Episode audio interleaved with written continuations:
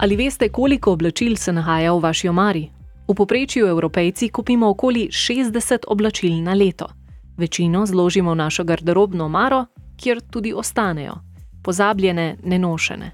Glede na raziskave, namreč redno nosimo le 20 odstotkov oblačil, ki jih imamo v omari. Vsako leto se na svetu proizvede 80 milijard tekstilnih izdelkov. Posledično ni nenavadno, da ima tekstilna industrija tudi v Evropi pomembno vlogo. Zaposluje 1,7 milijona ljudi in ustvari približno 166 milijard evrov prometa vendar pa predstavlja hitra moda ter njene poceni in hitro menjajoče se kolekcije tudi eno izmed najhitreje rastočih vrst odpadkov na svetu. Tudi v Sloveniji se srečujemo s problemom hitre mode in posledično hitro rastočo količino odpadnega tekstila. Obleka naredi človeka je projekt, v okviru katerega je v drugi polovici lanskega leta izšla raziskava o proizvodnji, potrošnji in ravnanju z odpadnimi oblačili v Sloveniji. Izvedli so jo ekologi brez meja v sodelovanju s partnerji projekta Društvom Fokus in pravično trgovino Tri muhe Slovenija. V okviru raziskave so po besedah Žive Lopatič iz pravične trgovine Slovenije ugotovili, da v Sloveniji dejansko proizvedemo okrog 24 milijonov kosov oblačil na leto, zavržemo pa jih približno 12,3 kg na osebo, kar po naši raziskavi dejansko kaže na to, da smo nad povprečjem v Evropski uniji. Je pa res, da številka Evropske unije in naša nista čisto primerljivi, ker metodologija pri uh, opravljanju raziskave ni bila enaka. V anketi, ki so jo izvedli, v kateri je sodelovalo več kot 1300 slovenskih potrošnikov, so bila tudi vprašanja o tem, zakaj zavržemo oblačila. Največkrat razlog to, da enostavno imamo oblačil preveč in da so precej slabe kakovosti. Namreč v Sloveniji proizvajamo sicer zelo kakovostna oblačila, ki jih pa v večini primerov izvažamo, uvažamo pa večinoma tekstil zelo, zelo slabe kakovosti, iz katerega se ne da potem nič narediti, oziroma se ga ne splača niti popravljati, oziroma uporabiti za ponovno uporabo. Dr. Aleksandra Lobnik, profesorica na Univerzi v Mariboru in direktorica Inštituta za okoljevarstvo in senzorje, pa dodaja, da v Sloveniji imamo slabše vzpostavljeno mrežo tako zbiranja odpadnega tekstila kot samega recikliranja. Povedala je tudi, da recikliranje mešanih materijalov še vedno predstavlja izziv, ter da do danes še ni postavljene tovarne, ki bi znala reciklirati mešanice tekstilov. Seveda pa se na tem področju ogromno dela raziskovalno, tudi v Sloveniji.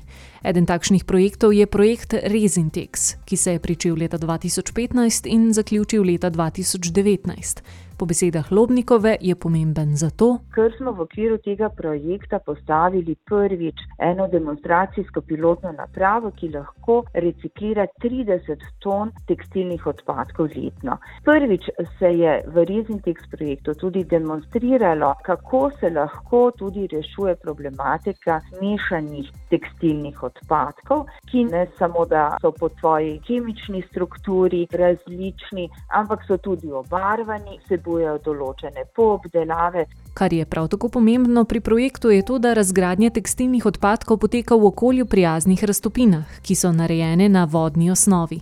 Pri tem pa ne nastaja mikroplastika. Mikroplastika je bolj prisotna zaradi mehanskega razgrajevanja. Tukaj pa dejansko razgrajujemo kemično, kar pomeni, da celoten produkt razgradimo do monomerov. Torej, še bolj je pomembno tudi iz tega vidika, da se ta tekstilni odpadek v resnici zelo nadzorovano zbira in zelo nadzorovano potem reciklira do takšnih produktov, ki onemogočajo sekundarno onesnaževanje okolja. Vedno je bolje preprečevati kot zdraviti, pravijo. Učinkovita zaviralca hitre mode sta torej pametna potrošnja in ponovna uporaba. Kako sta se trenda prijela v Sloveniji? Živa Lopatič. Raziskava je pokazala, da v bistvu manj kot en procent vseh oblačil, ki se odločimo, da jih ne bomo več uporabljali, zamenjamo ali pa damo v prodajo v trgovine iz druge roke. To se pravi, v bistvu je ta trend pri nas še zelo, zelo, zelo na začetku, čeprav možnosti je vedno več. In prihodnost, glede na trende, ni pričakovati zmanjševanja količine odvrženega tekstila.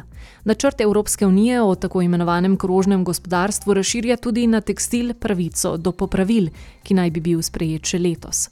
Pripravljajo pa tudi novo strategijo za trajnostne tekstile, ki naj bi jo predstavili letos. Kako pa so ta področja trenutno urejena pri nas? Pri nas se seveda z ničemer od tega še ne ukvarjamo. Mi imamo sicer zeleno javno naročanje, ki precej dobro pokriva ta segment, ga pa skoraj da ne uporabljamo v praksi. Druga stvar, ki pa je, ne, je pa davčna olajšava za oblačila, ki jih ponovno uporabljamo oziroma predelujemo oziroma prodajamo kot rabljena oblačila.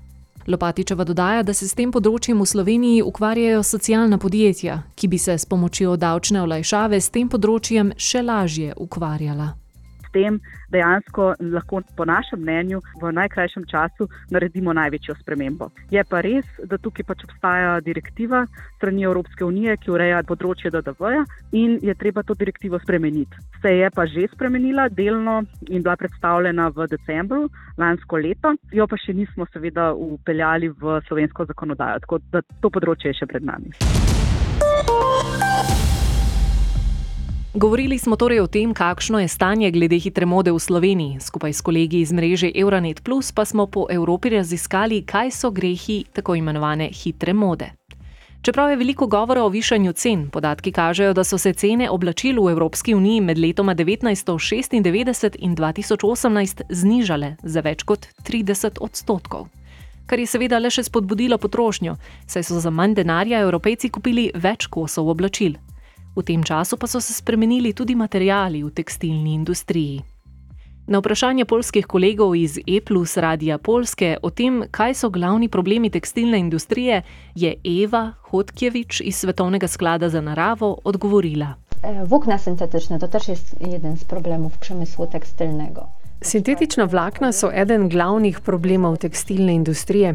Naprimer, proizvodnja poliestra, ki ga najdemo v 60 odstotkih oblačil, proizvede skoraj trikrat več CO2 kot organski bombaž. Razpadanje traja desetletja in onesnažuje okolje s svojimi plastičnimi mikrovlakni. Lani je bilo porabljenih približno 21 milijonov ton poliestra, 157 odstotkov več kot leta 2000. Ta sintetična vlakna, flis, najlon, poliester, akril, pri pranju sproščajo mikroplastiko, ki konča v vodi in v prehranjevalni verigi. Vsi vedo, da končajo v želocih rib, ki jih potem pojemo. Z drugimi besedami, lahko končamo z lastnimi oblačili na krožnikih. Naše obranja lomdujo na naših taležah.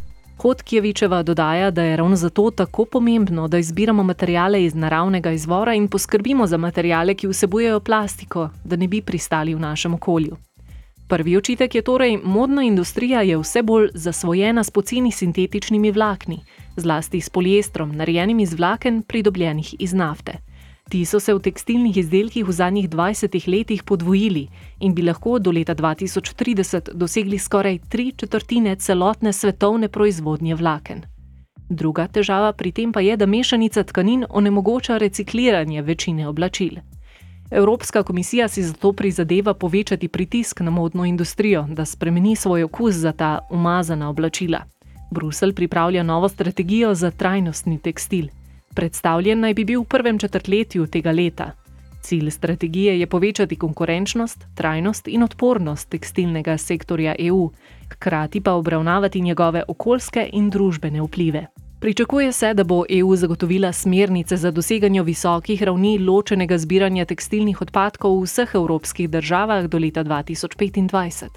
Predlagani bodo tudi regulativni ukrepi, ki spodbujajo sortiranje, ponovno uporabo in recikliranje tekstila, kot je razširjena odgovornost proizvajalca. Tudi na polskem se vedno bolj zavedajo moči, ki jo imamo kot kupci, pravi Tomaš Armada, polski oblikovalec povezan s polskim modnim forumom Modopolis. Vedno večji del družbe si postavlja vedno več vprašanj o tem, kako njihova življenja vplivajo na naravno okolje. Ljudje vse bolj analizirajo svoje vsakodnevne izbire. Razmišljajo na primer o porabi vode, če pijejo vodo iz plastičnih plastenk ali s plastičnimi slamicami. In zdi se, da se to širi na novo nova področja življenja. In moda je področje, ki je najbližje našemu telesu, saj so oblačila vedno z nami. In ljudje nočejo nositi nečesa, kar bi povzročilo škodo, pa naj gre to za okolje ali delavce tretjega sveta ali kjerkoli drugot. Nočejo nositi stvari, ki so odpadki za enkratno uporabo, ki so bile pravkar poškodovane na poti. Bistvo je, da ti ljudje nočejo škodovati, želijo najboljše zase in za svet, zato sprejemajo te odločitve in nobene druge. Katere odločitve moramo torej sprejeti, da zmanjšamo naš vpliv na okolje? Dobra strategija je, da poskušamo ne prenapolniti naše omare, da se zavedamo, da ne rabimo vsak mesec ali pa tudi vsako leto kupovati novih oblačil, predvsem pa da mislimo lokalno in ravnamo globalno. Da kupujemo manj in bolj kvalitetno v trgovinah, ki so pravične, lokalne, da morda kupimo tudi kaj iz druge roke in da trgovine, v katerih kupujemo in materijali, ki jih izbiramo, nimajo tako velikega vpliva na okolje. Modna industrija se torej spreminja, pri tem pa jo vodi povpraševanje nas, potrošnikov.